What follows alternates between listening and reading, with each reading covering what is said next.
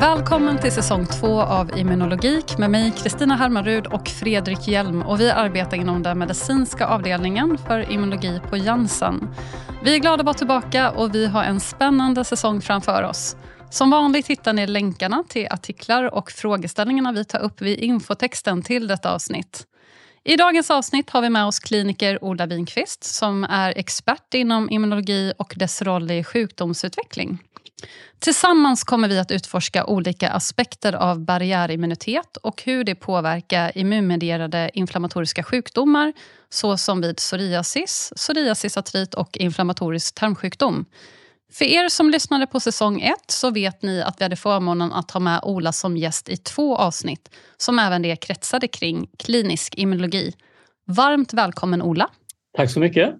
Ola, jag sitter här och funderar på en sak. Du är ju fantastisk på att klä av ämnet immunologi. Och eh, Immunologi är otroligt fascinerande, men är det också användbart? Så eh, min fråga till dig egentligen är immunologi som kliniker, varför ska jag förstå det? Mm. Ja, det är en väldigt, väldigt bra fråga. Men det, det första enkla svaret är ju att alla immunmedierade sjukdomar är ju förstås ursprungna från ett immunologiskt svar som på något sätt har barkat ur. Alltså vi har ju vårt immunförsvar som är gjort för att försvara oss mot bakterier och virus. Och hos patienter som drabbas då av immunmedierade sjukdomar så funkar inte riktigt den här balansen. Och det är klart att eh, idag när vi har kommit en bit ifrån stationen där vi har lämnat att bara använda oss av kortison där nya biologiska läkemedel, specifika kinashämmar har kommit in på arenan så behöver vi också förstå vilken mekanism är det vi eftersträvar att behandla hos just denna patienten vid just det här tillståndet vid det här tillfället. Så immunologin är basen för förståelsen hur vi ska nyttja våra nya moderna effektiva behandlingar. Mm. Nu när vi är inne på ditt universum, var ser du att vi underutnyttjar immunologin? Jag tror att vi underutnyttjar den under, under väldigt många eh, eh, tillstånd, att vi inte riktigt eh, tar oss an just de mekanismerna som pågår här och nu. Vi har inte riktigt den traditionen utan mer en historisk tradition, vilket läkemedel vi börjar med. Jag tror att vi kommer inom en ganska snart framtid bättre utnyttja en form av spegling eller någon form av undersökning av vilket tillstånd det immunologiska svaret befinner sig i för att på så sätt kunna bestämma bäst vilket medel som ska användas. Vi har ju sett det här liksom inom eh, cancervården att eh, för tio år sedan så var det ingen som riktigt trodde på immunsystemet. Nu är det det hetaste som finns. Jag tror att vi är på väg in dit också när det gäller eh, infektionssjukdomar. Och definitivt, definitivt så kommer det att accelerera när det gäller immunmedierade sjukdomar ännu mer. Om vi går från det större perspektivet och går in till det lite mindre perspektivet just när det kommer till barriärimmunitet och de mekanismer som ingår i det fundamentet. Hur fungerar den och eh, hur kan det i vissa fall bidra till att skydda oss från sjukdomar men även bidra till sjukdomsutveckling? Våra barriärer är ju oerhört centrala i vårt försvar mot att bli invaderade utav olika patogener. Jag menar, enklast är väl att titta på huden, en yta stor som ett pingisbord som skyddar mot att bakterier tar sig in. Däremot skyddar det ju inte från att bakterier kan kolonialisera. Och det är säkert på det sättet, eh, om vi är inne på den frågan, att eh, att kolonialisera huden med eh, fina bakteriekommensaler det är användbart. Det hjälper till och de är faktiskt med och pratar med epitelet och skapar försvar, bidrar själva med att göra olika eh, eh, skyddande mekanismer så att andra bakteriearter inte kan få fäste. Sen är det ju klart att när den här barriären av någon anledning blir bruten, om det nu är i huden eller om det är i en led eller om det är i mag-tarmkanalen, där det skapas en inflammation så att eh, de normala mekanismerna med tight junctions där vi har specialiserade proteiner som sitter mellan de här cellerna som skapar olika eh, okkluderande områden som inte tillåter passage. När detta sker och det blir ett läckage och kanske till och med fri passage utav bakterier eller virus, då har vi ju ingångsporten till själva inflammationen. Och då blir det en ond cirkel att inflammationen i sig skapar en eh, lösare tight junction eh, anatomi, tillåter eh, bakterier att komma in som skapar mer inflammation. Och har man då vissa genetiska begränsningar där kanske 30-40 procent kan förklaras av den genetiska uppsättningen så har man eh, en, en ond cirkel där den brutna barriären med ständig aktivering av primitiva toll-like receptorer som är igångsättande av det primitiva immunsystemet som sen leder till att man får en adaptiv immunförsvar som gör att det blir ett kroniskt tillstånd. Ett tillstånd som kommer tillbaka på grund av att vi får ett immunologiskt minne som vid varje nytillkommen, kanske stresssituation eller man av någon anledning eh, eh, bryter barriären, kanske en magsjuka, så sätter, eh, eh sätter själva eh, den immunmedierade sjukdomen igång igen. Så barriären är helt fundamental för att skydda oss och det gör det på Eh, flera olika nivåer. Förutom då bara att skapa barriärer med att det sitter tight så produceras det olika fettsyror, olika oljor, olika antimikrobiella peptider som gör att det blir svårt för vissa typer av bakterier att eh, närma sig och bryta igenom barriären. Och självklart under den här epiteliala barriären med eh, en serie av primitiva försvar så har vi också mm, i cellsystemet med de primitiva cellerna, dendritceller, makrofager, Langerhansceller. Vi har komplementsystem som är beredda att ta emot om det kommer en, en främmande yta, en främmande eh, eh sakarid som kommer in. Och sen till sist så har vi eh, det adaptiva immunsystemet med T-celler och B-celler. Så sammantaget så har vi ett väldigt fiffigt system att skydda oss emot bakterier som tar sig in. Men det är långt ifrån perfekt och eh, har man inte möjligheten att adaptera det immunologiska svaret utan man får ett kroniskt tillstånd, ja då drabbas man av en immunmedierad sjukdom. Skiljer sig barriärfunktionen mellan eh, olika delar av kroppen? Eh, då tänker jag hudled och tarm framför allt. Och kan ja. det då påverka sjukdomsförloppet? Ja, det är klart att eh, det skiljer sig på många olika sätt. Ja, men man kan titta på ytan bara, huden som jag nämnde kanske stort som ett pingisbord, tarmen som en fotbollsplan, medan lederna är kanske stort som ett kaffebord. Så bara ytan skiljer sig väldigt mycket åt. Eh, ledens yta ska ju vara steril, den ligger ju inkapslad och skyddad.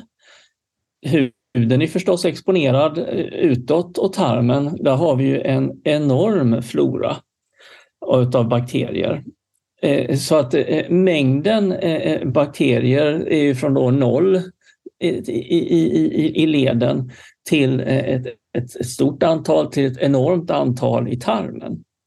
Sen skiljer det sig åt att huden har ju många, många olika lager det är dels ett hornlager ytterst och sen finns det flera lager utav, av celler som täcker medans i luftvägar, i, i tarm och i, kring leden så är det ett enskiktigt eh, lager med celler. Så det är klart att eh, eh i, i, i, i tarmen till exempel om man nu bara har en barriär med celler så blir det än mer viktigt att tight junction sitter ihop och att man inte skapar något läckage. Medan man så att säga får flera chanser i huden i och med att det finns så många olika lager. Så där skiljer det sig åt. Ytorna i tarm och luftvägar de bekläds ju också av ett slem så det finns ett eh, slem som också förhindrar och möjliggör vissa bakterier att de ska kolonialisera och andra får det svårare. Och i detta slemmet så finns det också immunglobuliner, IgA, som har som uppgift att neutralisera och det finns inte i huden och det finns heller inte eh, kring leden. Men däremot så finns det många gemensamma mekanismer att toll-like receptorer som känner igen olika eh, mönster som finns på patogener finns i alla dessa organ och uttrycks mer om det drabbas av en inflammation. Vi har också eh, produktionen av eh, eh, eh, antimikrobiella peptider som är gemensam för de olika strukturerna. Så de har en likhet med liknande nämnare eh, men också eh, vissa skill skill skillnader. Då. Mm. Eh, när jag började forska på eh, mag och tarm för kanske 15 år sedan så eh, hade man ju 163 stycken Losis som man såg, här finns det associationer till, till sjukdom. Eh, det finns ju en himlans massa associationer såklart i eh, hud och ledsjukdomarna också, men vilka av de här och vad mer specifikt eh, länkar till eh, sjukdom och barriärimmunitet? Har du eh, koll på det? Ehm, ja, alltså det som brukar komma på första, andra och tredje plats är ju HLA. Så det är hur det primitiva immunsystemet kan bjuda eh, peptider från, från eh, patogener för det adaptiva immunsystemet. Så det brukar alltid vara den starkaste kopplingen. Sen är det kopplingar eh, som av lite olika varierande grad har med signalering, cytokinsignalering till exempel är, är, är väldigt starkt kopplad till vissa av de här sjukdomarna och det har Eh, kanske IL-23-receptorn, hur man sätter igång eh, ett, eh, ett TH17-svar som är väldigt centralt för många av de här åkommorna. Så de eh, kopplingarna är väldigt, väldigt tydliga. Sen är det enstaka som bidrar i olika mängd. Det kan vara olika receptorer som också är med att känner igen olika patogen eller som har med eh, endocytos att göra, att hur man tar upp och processar antigen som ligger då i linje med att man sedan ska presentera dem i HLA klass 1 eller klass 2-fickan. Så det ser ut som att eh, de här, många av dem har med immunsystemet att göra. Många av dem har med övergången från det primitiva immunsystemet till det adaptiva immunsystemet. Antingen som presentation eller som eh, eh signalering. Och det är klart att eh, eh, det finns många som bidrar vilket gör att den här sjukdomskategorin är komplicerad. Den är polygenetisk och varje enskild individ har förmodligen en kombination som gör den en aningen unik och kanske att man föredrar en, en, en viss väg eh, eh över en annan. Och det gör också att vi så småningom kommer att bli bättre genom att skräddarsy behandlingarna så vi verkligen anpassar oss efter de mekanismer som är aktuella hos just den här individen. Vi debatterar ju lite grann ibland kring eh, om vi har ett för starkt immunförsvar eller om det är ett för svagt immunförsvar eller om det är för mycket patogener helt enkelt. Vad, vad, vad är din syn på det? Ja, alltså det, det, det är ju lite av ett mellanting. Alltså de här sjukdomarna vi pratar om Eh, eh, man, man, kan ju titta på de här organspecifika autoimmuniteterna med typ 1-diabetes och Addison till exempel. Där förstörs ju organet helt och hållet. Det görs de ju inte vid de här sjukdomarna. Så, så att man ska nog inte se på dem som autoimmuna utan mer autoinflammatoriska. Och Man kan också se det här som att det är en immunbrist, det vill säga att det här är individer som inte lyckats att dimensionera det immunologiska svaret till den kraft att den patogen som har trängt sig in kan avlägsnas. Så att eh, eh, förmodligen är det en kombination av en viss immundefekt och en viss eh, brist på reglering, alltså att man inte kan stänga av när väl inflammationen och infektionen är omhändertagen. Så att, att sätta igång nästa program tror jag är en brist som vi behöver titta lite mer på där vi kan det här lite för dåligt. För alla de här immunologiska systemen är precis som de endokrina systemen, att det är feedbackloopar. Att när man väl har tagit emot informationen så får man en signal och så ska man då stänga av och gå vidare i systemet. Så där är det med TNF-alfa, att när en TNF-alfa-producerande cell sen mottar eh, signalen så kan cellen till och med dödas och därmed så minskar man då inflammationen. Och där tror jag man har ett problem hos de här immunmedierade sjukdomarna, att man inte av någon anledning lyckas att reglera och att man inte lyckas att bli av med patogenet. Hur kan det inflammatoriska minnet i barriärvävnaden som vi i hudtermoled har för Eh, påverkan på det här förloppet. Och med andra ord kan dessa vävnader fungera som en reservoar för inflammatoriska minnesceller som sen kan aktiveras och orsaka eller förvärra sjukdom. Mm. Så är det ju att eh, de här svaren när barriären bryts är initialt eh, ett innat svar och innata celler som dendritceller och makrofager har inget immunologiskt minne. Men när signalen väl går över och presenteras via HLA-molekyler så kommer man att etablera ett immunologiskt minne. Och där vet vi idag att vi har eh, resident memory cells, det vill säga det är T-celler som befinner sig i vävnaden och i, i, i huden. Till exempel så har vi CD8 som är anrikade i epidermis och, och CD4 som är anrikade i dermis. Och det här gör ju att när man blir exponerad igen så finns det ett större antal celler som behöver en mindre mängd antigen för att bli aktiverade. Så det betyder att eh, ribban att starta inflammationen igen och det kan vara vid stress till exempel. Så vi vet ju att många av de här sjukdomarna är associerade med stress. Så får man en igångsättning och aktivering av de här T-cellerna som i sin tur hjälper B-celler som skapar återigen den inflammatoriska Eh, eh, processen. Och det är det som gör att det här är kroniska återkommande sjukdomar. På samma sätt i tarmen så har man eh, celler både i epitelet och sen i lamina propria som är resident memory cell och dessutom då i Peyers patches eller lokala lymfkörtlar eller lokala lymfocytaggregationer. Så man har en, en enormt mångfaldigat immunologiskt försvar som i sin tur råkar vara felriktat och riktat mot de egna strukturerna.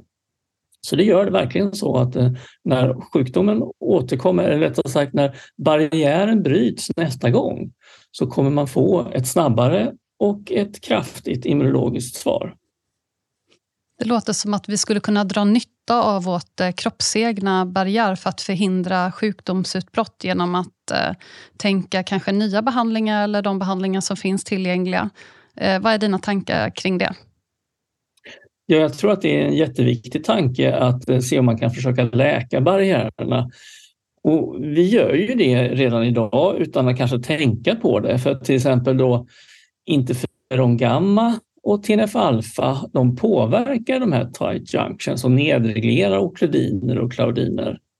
Eh, så när vi behandlar med TNF-alfa-blockad eller med IL-12, IL-23-blockad så påverkar vi barriären det vi ser som rött och rodnad och att det kan vara svullet, det är en barriärskada och en, en, en ökad genomblödning. Så de här läkemedlen påverkar eh, de här principerna. Men däremot har vi väl ännu inte riktigt lyckats få fram nya molekyler som kanske förhindrar nedbrytning eller endocytos av de här tight junction-proteinerna. Det tror jag skulle kunna vara väldigt intressant, att man kan påverka tight junction-bildningen eller stimulera till produktion av de här tight junction-proteinerna. Så eh, det, det, är en nivå. Sen kan man ju också fundera på nivån med antimikrobiella peptider. Det pågår en del sådana försök att eh, minska etableringen eller kanske få en selektion vilka bakterier som kan tillåtas att etableras. Och det är klart att där ligger också hela fältet kring mikrobiota. Hur kan man ersätta eller förändra en, ett mikrobiom som man uppfattar som patologiskt och sjukdomsorsakande. Där man genom att byta ut skulle kunna då tänka sig ett friskt mikrobiom skulle också hjälpa till att skapa en bättre möjlighet.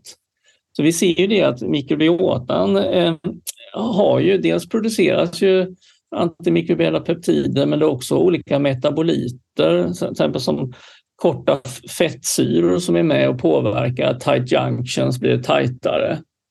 Så att, att ha rätt sorts bakterier som gör rätt metaboliter är sannolikt väldigt, väldigt intressant och inte bara lokalt om man tänker sig tarmer, utan tarmens mikrobiota ser ut att påverka även hur vi, för, hur vi reagerar i, i, huden, i hjärnan, i, i leden och så vidare.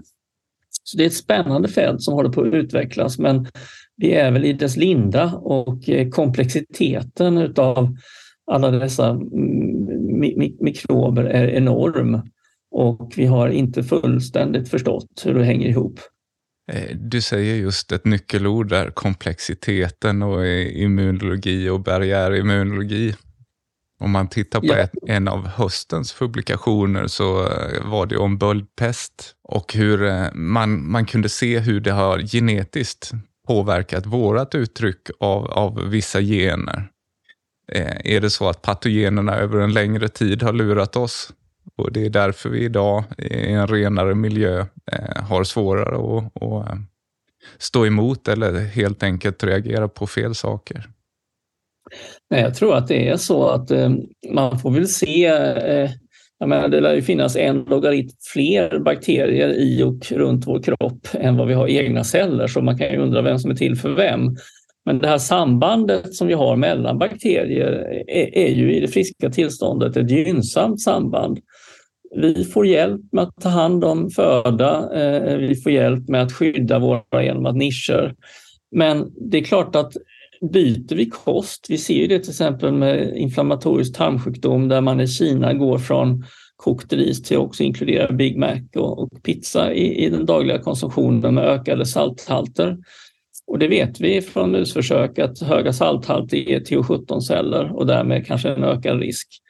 Så att eh, kosten och därmed eh, den mikrobiella sammansättningen i tarmen kommer verkligen att påverka. Och det är klart att har vi haft en stenålderskost med, med, med, nötter och rötter och ibland mammut eh, så har det skapat ett visst mikrobiota som har gjort hur vi är. Men går vi nu över till Eh, eh, hamburgare och, och stekta eh, köttbitar så blir det en helt annan eh, möjlighet. Eh, eh och, och, alla de här kommer inte att vara gynnsamma utan det skapar olika metabolitstrukturer. Och det är alltså tusentals strukturer som bildas som i sin tur påverkar det lokala immunsystemet som i sin tur påverkar det systemiska.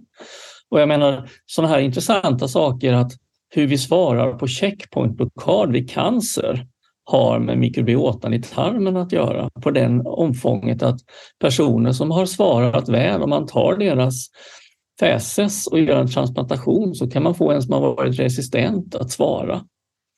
Så det är helt tydligt, hur det går till vet vi inte, men det är helt tydligt att mikrobiotan påverkar eh, eh, eh, det lokala immunsystemet och sen får effekter även centralt. Så det är en spännande tid vi har framför oss, men det återstår mycket att beforska.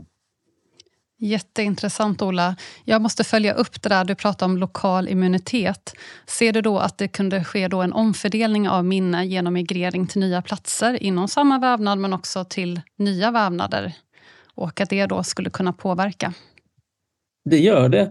I, i och med att om man, om man får ett lokalt immunologiskt svar, eh, låt oss säga i tunntarmen i Peyers patch, så kommer det att bildas olika typer av minnesceller. Några blir resident, några blir central och några blir effector memory. Så effector memory lämnar eh, via lymfan och blir sedan tillgängliga för hela systemet.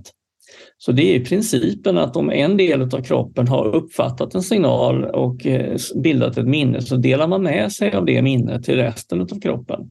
Så det är precis så det går till.